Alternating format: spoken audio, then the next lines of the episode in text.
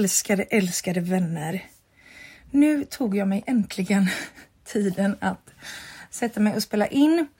Jag skulle egentligen spelat in igår så att det skulle kommit liksom nu vid 00 idag. Men hade verkligen ingen energi och kraft igår.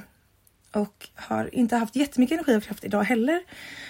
Men nu hittade jag ändå en liten stund. Jag tycker det är så himla mysigt med den här podden. Jag vill verkligen att jag ska orka hålla ut. Det är ju gärna det som blir med mig att jag är väldigt, väldigt engagerad i början och sen så rinner saker ut i sanden på något sätt. Men hej, vad roligt att få en liten stund tillsammans du och jag. Min vecka har varit intensiv på många sätt. Och rätt händelserik faktiskt. Eh, det har hänt mycket och det, jag har fått mycket frågor också efter vissa saker som har hänt som har gjort att det känns ännu bättre att berätta allting här i podden så får ni en lite mer, en lite mer helhetsbild av allting.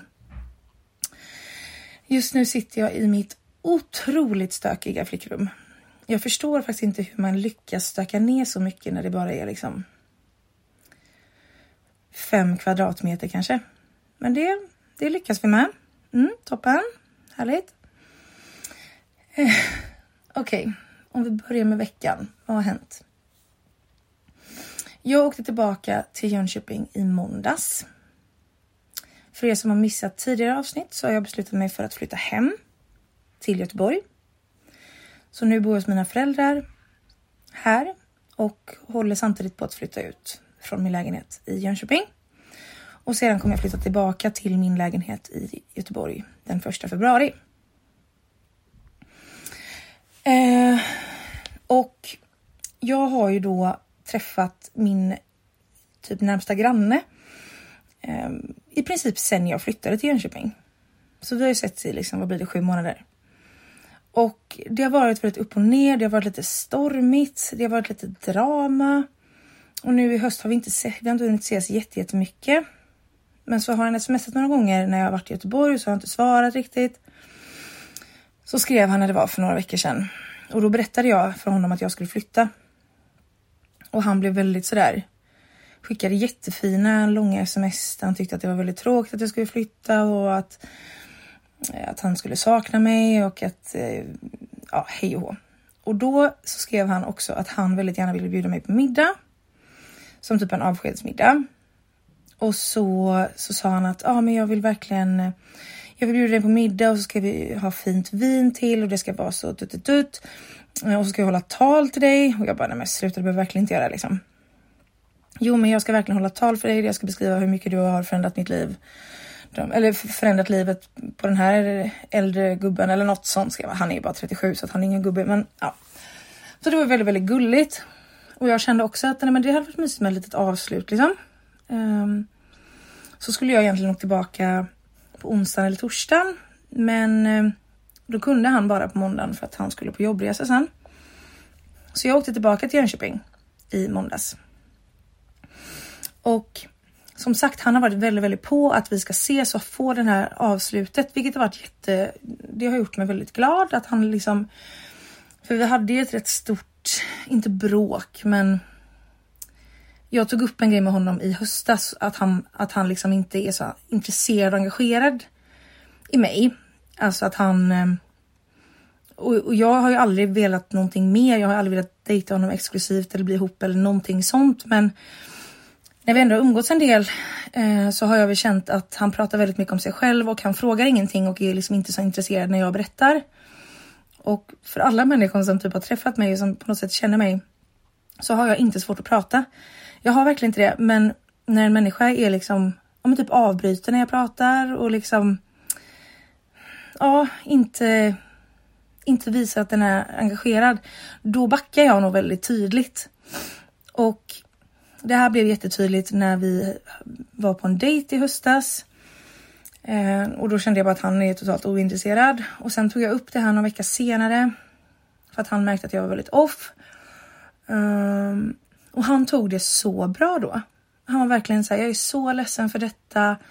Inte alls min avsikt, eh, utan jag vill bara eh, liksom, jag är intresserad, jag vill dig väl. Och sen så träffades vi och pratade om det och då sa han också det att så här, Jag har väl försökt också kanske skydda mig själv lite grann. Eftersom att du har varit så tydlig med att det inte kommer bli någonting och sådär. Ehm, men han tog verkligen till sig och var verkligen såhär, jag vill verkligen bli bättre. Eh, vilket kändes jättefint. Och nu då när han vet att jag ska sluta så har han liksom skrivit sms som att så här, och jag önskar att vi träffades eh, när, när vi var yngre typ. För att han vill väldigt gärna ha barn. Och det är också så här, han, alltså jag tror inte att det hade påverkat någonting från min sida om vi hade träffats när vi var yngre. För jag hade nog inte velat ha en relation med honom ändå, eller det hade jag inte. Men liksom, jag blir väldigt, väldigt glad för alla fina saker han har skrivit på sms nu senaste då sen jag varit i Göteborg. Så det är klart att jag hade förväntningar på den här middagen liksom. Och sen som sagt, alltså han behöver inte hålla tal, han behöver inte säga någonting. Men han behöver heller inte måla upp en bild av att han ska vara liksom en sån person som han uppenbarligen inte kan vara. Um, så jag kom dit och liksom när jag kom så hade han ju inte dukat. Det var liksom rätt stökigt i köket. Eh, alltså det låg grejer på bordet liksom. Han hade inte direkt på sig några finkläder eller liksom så här. Han stod i typ shorts och t-shirt eller så här. Typ jeans och t-shirt kanske, men ja. Och jag vet inte vad jag förväntade mig egentligen. Eh, och det kanske handlar om att jag hade för höga, liksom, inte krav, men förväntningar. För att jag trodde nog någonstans att han skulle verkligen, om det här är liksom den sista middagen vi har, så trodde jag verkligen att han skulle shape up typ. Men eh, ja, och så var det ju inte. Och sen så bjöd han på en jättegod bouillabaisse. Den var jättegod verkligen. Och då tänkte jag också att han kanske hade lagt lite tid i att hitta då ett vin som passade typ.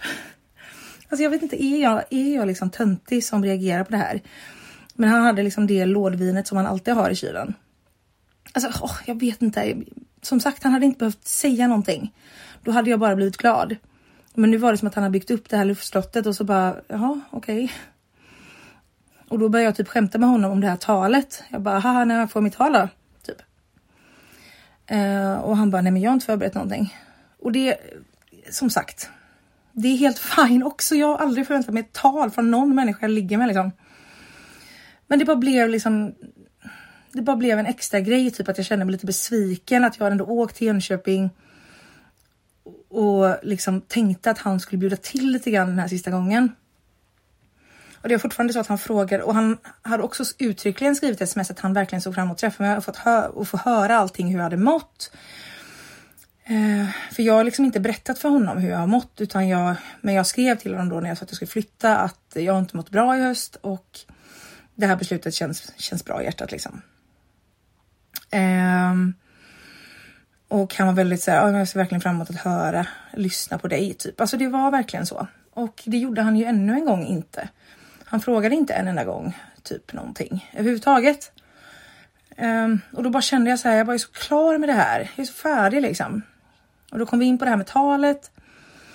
Och han typ började skratta bort det och jag bara, nej men herregud, det behöver vi verkligen inte liksom. Men då skulle han ändå hålla någon form av tal.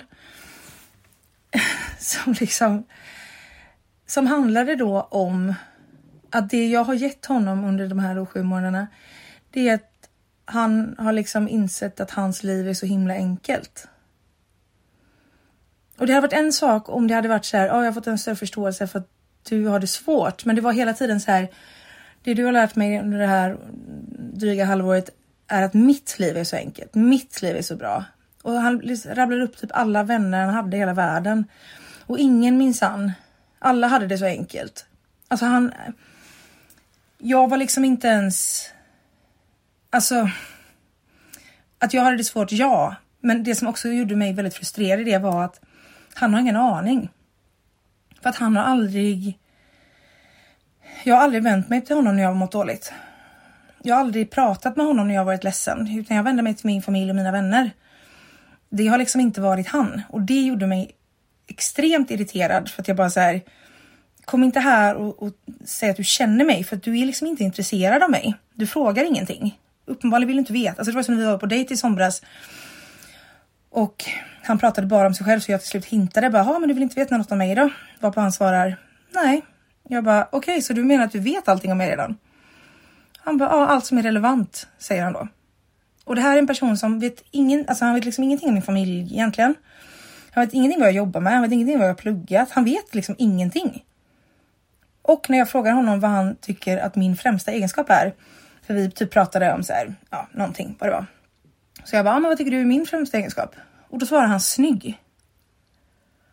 Som min främsta egenskap. Vilket också är så här, va? Alltså förlåt, men. Alltså, ja, okej. Okay. Jag kanske vill vara, ja. eh, så att, när han då säger det här då att alla har det så otroligt enkelt i sina liv. Så kände jag bara, åh vad jag blir. Jag blev ledsen. Och så kände jag bara, jag orkar inte att det här ska bli en diskussion. Så jag låtsades bara som ingenting och jag hade lite grann luggen i vägen så att han såg inte att jag började gråta. Men så typ sa han, han bara, ah, men du blir inte ledsen nu va? Jag bara, nej, nej, nej, gud nej. Eh, och sen så ville väl han liksom utnyttja sista kvällen och kanske ha världens hetaste natt. Eh, och det kände jag att jag var så totalt osugen på efter det. Så att eh, jag bad att vi skulle sätta på eh, en film som är V för Vendetta som är typ min favoritfilm. Och hans också. Mm. Och sen så typ la jag mig i soffan och typ somnade där sen. Och sen så vaknade jag typ vid fyra eller något. Och då har han smsat mig och skrivit så ja du får gärna komma in eh, till sängen och mysa om du vill. Men soffan är väl också härlig eller något typ. Och jag kände mig bara så jävla klar. Så att jag bara tog mig, gick tillbaka till min lägenhet och skickade ett långt sms till honom där jag skrev bara så här. Eh, började med att säga tack så jättemycket för den goda fisksoppan, den var jättegod. Eh, men jag kom ändå till Jönköping för din skull och jag kände någonstans att eh, att du återigen inte frågar någonting, att du återigen inte är intresserad och att du liksom. Nej, men jag känner mig förminskad. Eh, och så så skrev så jag avslutade med typ att säga, jag vill inte lämna som ovänner. Men jag vill skicka med dig ett råd och det är ifall, ifall du tycker om någon så våga fråga och våga lyssna och vänta på svaret liksom. Det krävs inte jättemycket för att få en människa sedd och det krävs. Alltså. Det är liksom snarare. Jag tycker det är svårare att inte fråga eller jag fattar inte hur man ens. Ja, I don't know. Eh, och sen eh, så skickade jag det tidigt på morgonen han svarade väl efter lunch någon gång typ. Eh, han svarade så här. Varsågod för soppan. Eh, jag vill bara väl men verkar fatalt ha misslyckats med att förmedla det eller något. Ta hand om dig. Och sitt namn. Och that's that. Sen har vi inte hörts och jag tvivlar på att vi någonsin kommer göra det. Eh, så jag känner mig lite låg där dagen efter att så här, jag blev lite ledsen att jag har lagt tid och energi på en person som liksom uppenbarligen inte är intresserad eller är engagerad och då pratar inte jag om någonting mer än bara vän och liksom att vi ligger occasionally. Men ändå säga att det är en människa som jag släppt in i mitt liv. Um, och att jag också är väldigt energi väldigt energikänslig har jag insett med min goa goa ADHD. Att eh, liksom om en människa tar energi så kan jag bli helt dränerad. Och det har jag också insett nu i veckan att jag måste. Jag måste nog se över vad, alltså delvis vilka vänner. Nej, jag behöver nog inte se över vilka vänner för jag har fantastiska vänner kvar. Eller alltså så. Men liksom vilka situationer som gör att det tar energi mer än vad det ger. Um, så där fick jag lite så här. Oh, ja, det här måste jag reflektera över mer. Och att jag är så himla konflikträdd. Jag hade liksom kunnat ta upp det här med honom direkt och så kanske det inte hade behövt bli så mycket mer samtidigt som att jag kände bara så jag orkar inte hålla på och uppfostra män. Kan inte de lära sig själva liksom? Han är en vuxen. Han är liksom tio år äldre än mig. Han borde ha fått någon mer erfarenhet tänker jag, men ja. Så att jag känner mig inte ledsen och sur över det nu, utan det är mer att så här, ja. Det är tråkigt att det blev som det blev, men eh, vi hade en fin sommar och den kan jag se tillbaka på liksom. Ehm. Så sen dagen efter, då Då kom ÖK hem till mig istället. För er som inte vet om ÖK är, jag vet att det blev lite eh, ni blev lite förvirrade där för ni tänkte att ÖK var CK. Och jag har väl lärt mig att jag inte ska ha förkortningar på det sättet eh, som är lätta att eh, blanda ihop. Men ÖK är alltså en kille som jag träffade i somras i Jönköping. Eh, han var på en bar och jag med och jag tyckte han var så himla gullig. Alltså han är typ det sötaste jag sett i mitt liv. Han är verkligen så söt. Eh, och hade på sig typ en fiskarmössa. han är bara så, ja han är så gullig. Eh, och då så, så sa jag till bartendern att han, om jag kunde köpa en öl och så gick bartendern bort med den och så skulle han säga att hälsade från mig. Typ. Ja, som en liten amerikansk film, men jag kände att det är YOLO. Ja, så gjorde jag det och han och hans kompis kom senare bort typ 30 sekunder senare och han var helt överlycklig. Och eh, sen träffades vi väldigt intensivt i typ en månad i somras och alltså jag har aldrig varit med om en människa som är så himla säker. Alltså han har aldrig kört ett spel liksom, utan han har varit sen, alltså första kvällen så har han varit så himla säker på mig och varit så himla säker på sina känslor, vilket är alltså det är så beundransvärt och det är så fint och det är så liksom. Ja, det är så fint. Men för mig då som kanske inte har lika lätt till de typerna av känslorna så fick jag panik rätt fort. Allting gick extremt fort mellan oss liksom. Det var från 0 till 150 på en dag typ. Så sen slutade vi att ses efter då den månaden för att jag bara så här. jag kommer ju krossa honom. Alltså han är för fin. Han är för fin för världen. Eh, vilket han också tog så här jättebra och bara, men jag respekterar det och hej och Och sen så har vi hörts lite grann i höst typ och så har vi väl setts kanske några gånger. Typ. Eh, och sen så berättade jag för honom också att jag skulle flytta och då blev han väldigt så här, nej. Flytta inte och ge oss en chans till typ. Fina, fina, fina han. Eh, och jag har ju varit ärlig mot honom hela tiden och han kräver ingenting och det är det som är så himla fint med honom. Så han kom hem till mig då på tisdagskvällen. Och han, om, om grannen är liksom sån som inte ger mig så mycket eh, uppmärksamhet eller liksom att, att det känns som att man känner sig sedd så är ÖK totalt tvärtom. Alltså han, jag har aldrig varit med med en människa som ger mig så mycket komplimanger och han är så liksom, ibland kan det kännas som att han sätter upp mig på en sån alldeles för hög pedestal. Men han är så, alltså han är så fin. Så genuint otroligt, otroligt fin. Och skulle liksom aldrig göra mig något illa. Och det känns så, så, så fint. Eh, och det kommer jag verkligen, om jag ser tillbaka på sommaren och om jag tänker utifrån mitt dejtande så kommer jag verkligen se tillbaka på det med ÖK för det var, det är så fint att få, få känna så, alltså att känna så hur någon människa är bara så genuint glad i en utan att egentligen kräva någonting tillbaka. Och det är så fint. Det var det världens mysigaste natt och, jag, och det är också så här, jag sover väldigt bra med honom, vilket jag typ aldrig gör med killar. Jag gillar inte att sova borta. Jag gillar inte att sova med någon. Jag gillar framförallt inte att vakna med någon, men han är väldigt, väldigt trygg han, jag känner mig alltid väldigt trygg i hans sällskap. Och det var, nej men det var hur mysigt som helst verkligen. Och han var så gullig. Han var verkligen så gullig. Ehm, och liksom, och sen efter vi skildes då på onsdagen så var han alltså, Han hade liksom skrivit så himla fina saker, att han känner så mycket och han är så fin och vill liksom, alltså mm, han är så fin. Men han vet ju också att jag kommer aldrig kunna ge honom det. Eh, för det har jag varit tydlig med från början egentligen. Och eh, jag tänkte vi ska prata lite grann om kärleksångest om en liten stund. Ehm, men det... Ja, det, jag tror inte att det kommer... Alltså, och det vet han, det har han alltid vetat. Men det är ändå så fint att han säger liksom precis det han känner. Jag uppskattar det enormt mycket med honom. Eh, kärleksångest då? Jo, men jag kan väl... Det, det blev så jävla tydligt. Typ, men typ idag blev det supertydligt. Eh, för då var det en kille jag skrivit, som jag skrev till igår och typ frågade ifall han ville hänga någon gång. Och vi har liksom så här, ja men legat ett par gånger. Eh, jag tycker han är ashärlig. Och skulle liksom kunna tänka mig att, ja men, träffa honom lite mer. Eh, och så typ har han inte svarat, eller vi som skrev lite grann och så har han inte svarat nu. Fast han har läst det. Och jag får sån panik. Alltså jag känner mig så dum. Jag känner mig så dum.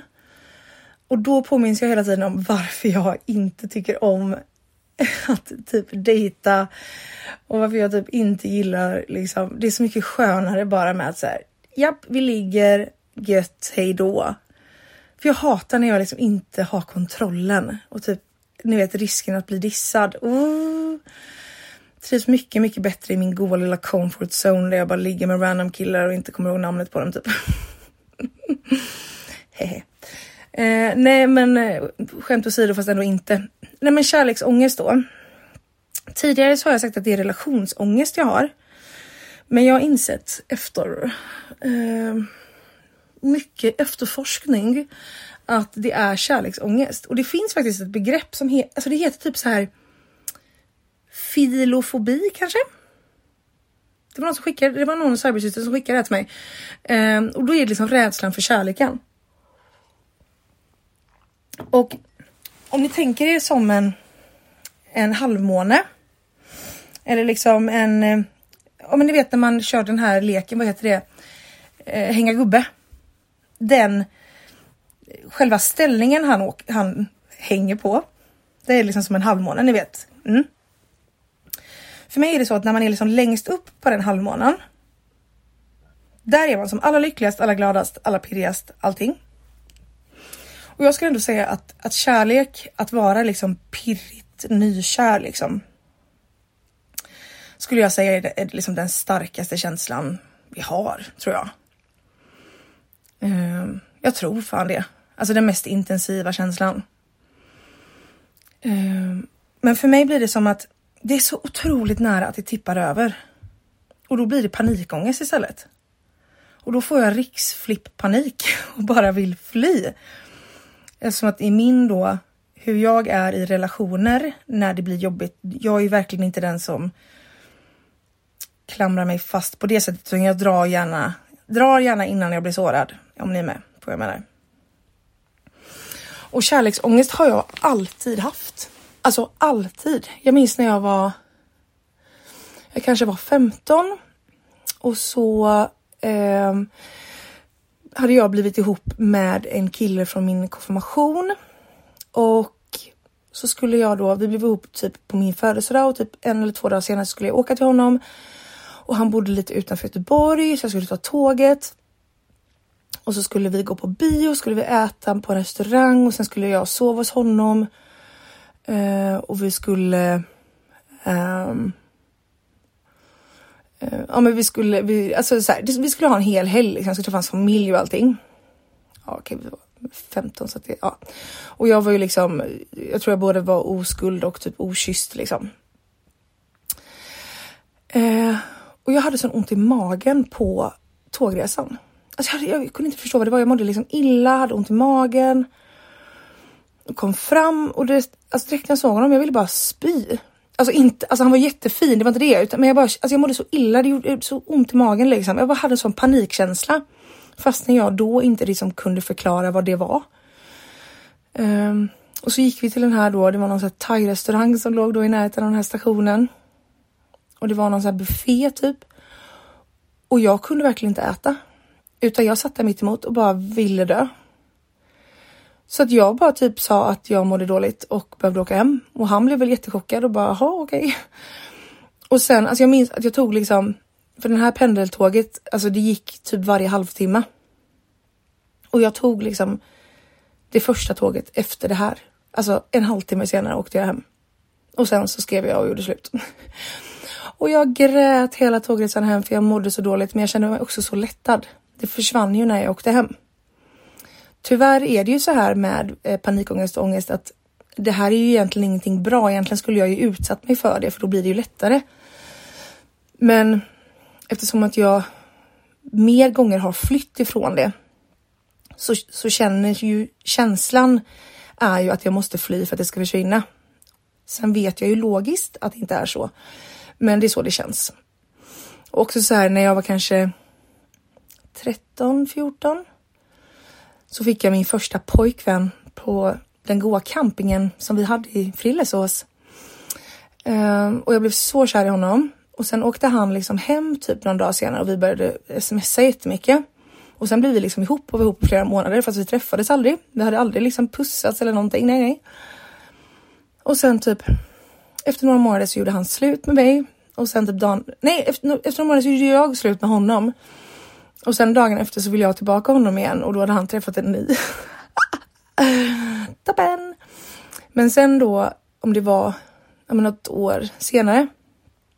Om det här då när jag, när jag fick den här killen med tåget. Eh, det var på våren och det här kanske var på sommaren. Jag var fortfarande oskuld och okysst. Toppen! Eller vadå, snälla, det kan man ju vara långt upp i åldrarna. Men det kändes som att alla mina kompisar på den tiden hade pojkvänner och hade sex och jag bara så här hade inte det. Um, men då på den här sommaren, den här då killen som var min campingpojkvän. Um, då hade han gjort slut med den här då tjejen som han hade varit ihop med. Så då um, började vi prata igen. Och han bodde typ i Växjö eller något. Något långt, ja, några timmar bort från Göteborg. Men då bestämde vi att vi skulle ses och han skulle sova hos mig för hans föräldrar skulle på någon fest i närheten typ. Och jag var så taggad och nu tänkte jag nu händer det. Jag kommer förlora min oskuld med min liksom första lilla kärlek. Mm, toppen. Ehm, vågade inte gå till ungdomsmottagningen utan jag och min kompis gick till apoteket. Köpte king size kondomer, alltså förlåt, men alltså va? Eh, för att de hade så fin guldförpackning. Ja men alltså kom igen. Det var så stelt att betala. Ja, det var så stelt.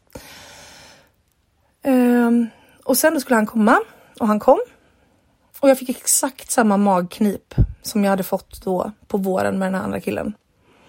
Jag fick så ont i magen um, och vi skulle gå och äta och han var vegetarian. På den tiden var det inte så vanligt att vara vegetarian. Så mamma hade gjort någon så här blomkålsgratäng typ. Jag kunde typ inte äta, jag mådde så illa. Och det var också så här, det här var mitt under Göteborgskalaset eller Göteborgs kulturkalas som det numera heter. Så vi hade verkligen kunnat åka in till stan och hitta på någonting. Nej, nej, vi satt i mitt rum i min röda klippan-soffan. Ni vet sån här ful obekväm soffa som man hade med så här, kunde köpa massa olika överdrag liksom. Mitt var knallrött. Kollade på min tjock-tv på Mean Girls. Som var min favoritfilm. Toppenfilm. Och jag hade bara sån ångest. Alltså jag hade sån ångest att han skulle stanna här liksom en hel natt. Alltså jag bara kände, du måste åka hem. Och det här var ju också på en tid som man hade inte mobiltelefoner på det sättet.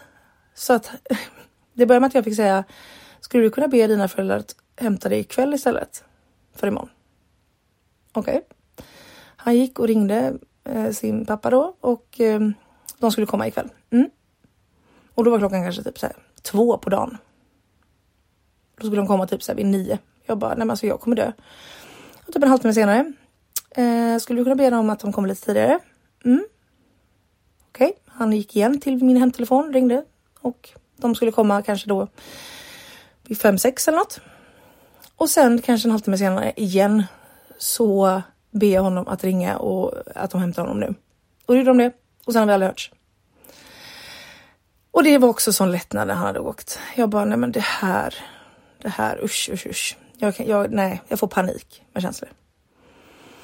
Um, sen, och, och, så var det sen liksom. Alltså i alla fall när det kommer till besvarad kärlek. När jag var yngre kändes det som att jag kunde bli mer kär i liksom, och förälskad i, i någon på distans och vågade kanske inte ta kontakt och var liksom inte sådär utstrålade sex appeal direkt. Alltså jag var väldigt jag utstrålade nog kanske inte osäkerhet. Eh, jag var, var väldigt liksom mycket och tog plats och sådär. Men jag tyckte väldigt illa om min kropp liksom. Så det kanske jag säkert utstrålade, vad vet jag. Ehm, men sen så fick jag en pojkvän när jag var 17, det var samma sak där. Jag hade panik varje gång vi sågs, jag kunde inte äta. Jag, liksom, då gick jag också på Viktväktarna. Jag gick ner jättemycket i vikt då för att jag mådde så illa liksom. av att vara i den här nykörsfasen. Och sen när jag var 19 eller 20 då träffade jag liksom min stora första kärlek, kallar jag ju ofta honom.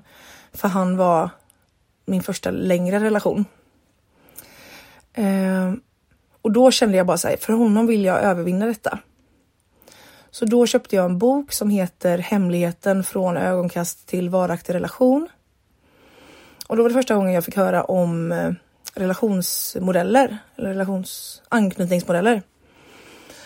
Eh, och då kändes det verkligen som att jag var en otrygg undvikande person.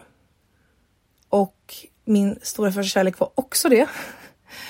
Vilket gjorde ju att våra ett och ett halvt år, eller hur länge det nu var, vi var on-off, eh, var ju väldigt stormigt och vi gjorde slut konstant. Och när jag gjorde slut ville jag ju bara få en reaktion från honom. Men eftersom att han var också undvikande så drog ju han snabbare än kvickt då när jag gjorde, alltså så här, on-off, on-off, on-off. Men där behöll jag ändå alltid liksom, där övervann jag den känslan av ångest. Och där var jag verkligen i perioder väldigt, väldigt, väldigt kär. Sen var det mycket andra grejer som inte funkade mellan oss. Eh, men kärleken fanns verkligen jättestark där och det, det var sjukt häftigt att få uppleva den kärleken. Liksom. Då kände jag verkligen att det var värt det. Men sen så var det också så stormigt. Jag var så trasig efter honom eh, för jag var så himla kär. Att jag så här, sista gången vi sågs, då hade vi gjort slut sedan några månader tillbaka. Han hade träffat en ny tjej som, no offense, men såg väldigt lik lika. Hon var väldigt lik mig. Mm, jag får ändå säga, eller vi var lika varandra kan man säga. Um, och då träffade jag honom en sommar och det var alltså en sommarkväll och det slutade liksom med att jag i tårar springer ifrån honom och han ni vet ringer mig mitt i natten och vill att jag ska komma in till stan och det är bara alltså ni vet. Alltså tonårskärlek, American movie style. Det var verkligen så. Um, och sen dagen efter bestämde jag mig för att nu måste jag flytta från Göteborg. För jag, jag måste bli bort, jag måste försvinna från honom. Och då flyttade jag sen till Jönköping. Igen tackade jag till sjuksköterskeprogrammet, började där 2014. Och då efter några månader så träffade jag nästa pojkvän. Eh, jag kan kalla honom för Vince, för det kallade jag alltid honom under skoltiden. Eh, och han var verkligen inte tänkt att jag skulle bli kär i. Utan vi funkade toppenbra som KK. Eh, men sen blev vi båda jättekära. Mm, och där blev, alltså, där försvann också mycket av ångesten. Och det tror jag också var för att det, det tog rätt lång tid innan vi blev kära. Eh, alltså det var, ja men det tog tid. Och han pushade liksom inte. Och sen så blev det också så här, nu vet, superdramatiskt när jag ser honom hångla med en annan tjej framför mina ögon. Jag blir skitledsen. Och det är samma dag jag har fått extra nycklar till hans lägenhet. Men vi har inte sagt att vi är exklusiva och bla bla bla slutar med att jag springer hem och gråtandes och typ han följer med eller följer efter typ och vi liksom gråtskriker åt varandra och han det slutar med att han bara men du fattar väl att jag älskar dig typ. Ja, väldigt kaos men fint. Så jag var väldigt, väldigt kär i honom också och där tog jag också mig förbi mycket, mycket ångest. Eh, men den fanns alltid lite i bakgrunden. Att det är läskigt för mig att vara kär. Och sen efter väl åtta månader där så då träffade jag ju den killen som jag sen var ihop med nästan fem år eller fyra år eller vad det var. Ehm, och han träffade jag ju när jag var ihop med Vince. Fast ingenting hände då utan vi bara träffades. Och sen så blev det ju en kärlek där. Ehm, eh, och jag, så jag gjorde ju slut med Vince då innan någonting ens hade påbörjats mellan mig och mitt ex då. För att jag kände att jag inte vill vara en person som går bakom ryggen och det tog Vince väldigt hårt. Um, och det tog också mig väldigt hårt för att jag var fortfarande väldigt, väldigt kär i Vince. Och då att inleda någonting nytt med en annan som jag också hade blivit kär i med relations eller med kärleksångest. Alltså det var helt fruktansvärt. Jag kan se tillbaka till den perioden som det mest kaosiga liksom. Ja, det var fruktansvärt.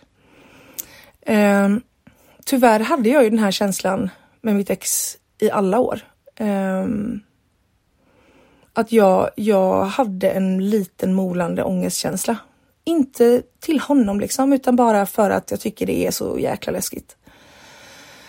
Eh, att vara kär. Och då stänger jag gärna också in mig i, alltså att jag inte vill bli kär, för det är väldigt mycket mer tryggt och praktiskt att inte vara det. Så sen vi gjorde slut då 2019 på hösten där sista gången Sen träffade jag ju orimligt nog en kille bara några månader senare. Som vi var ihop med.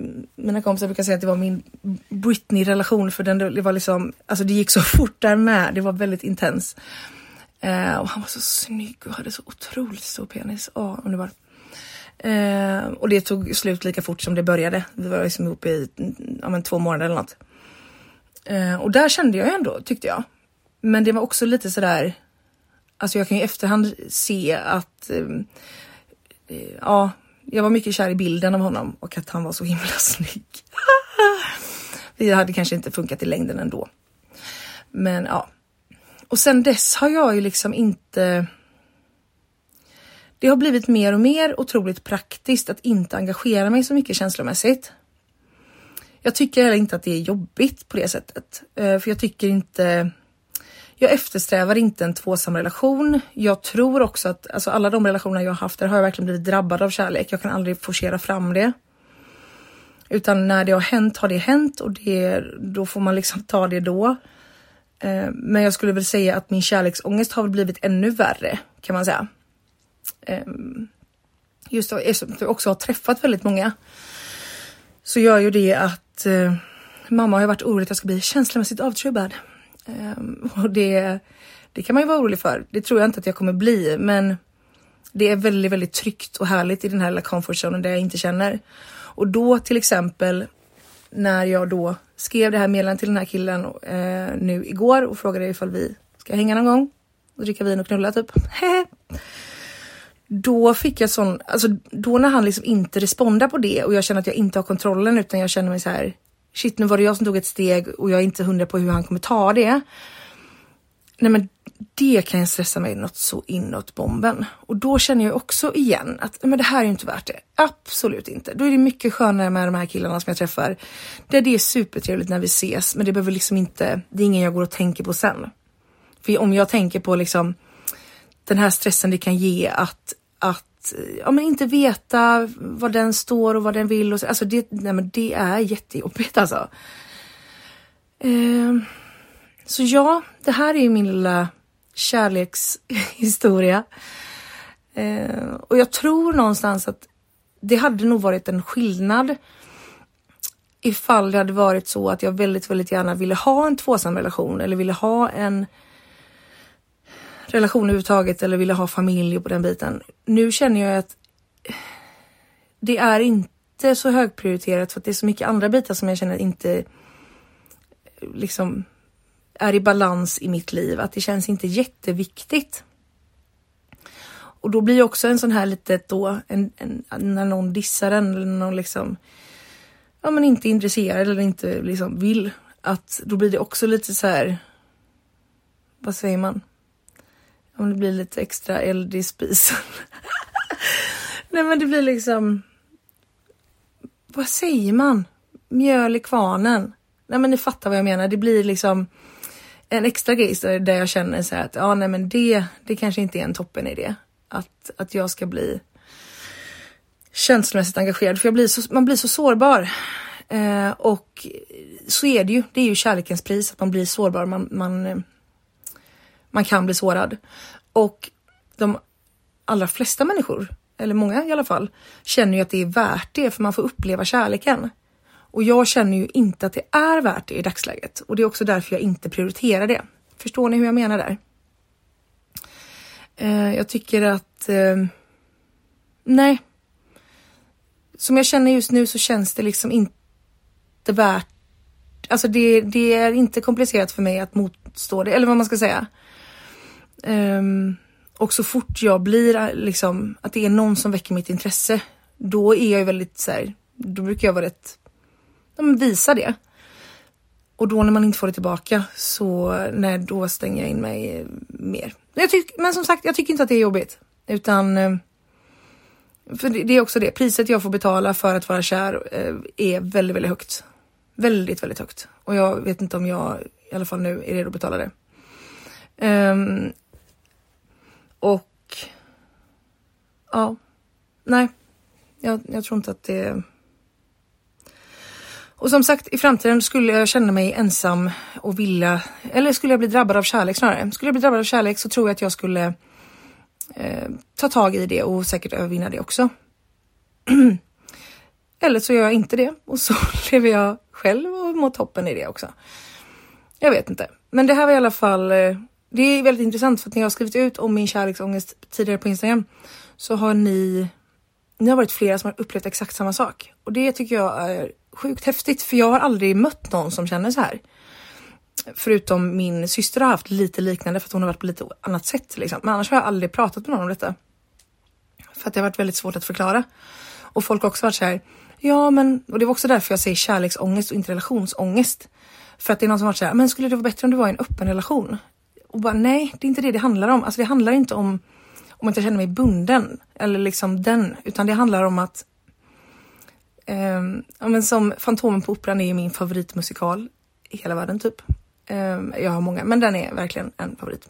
Och då finns det en låt där som heter Past the point of no return.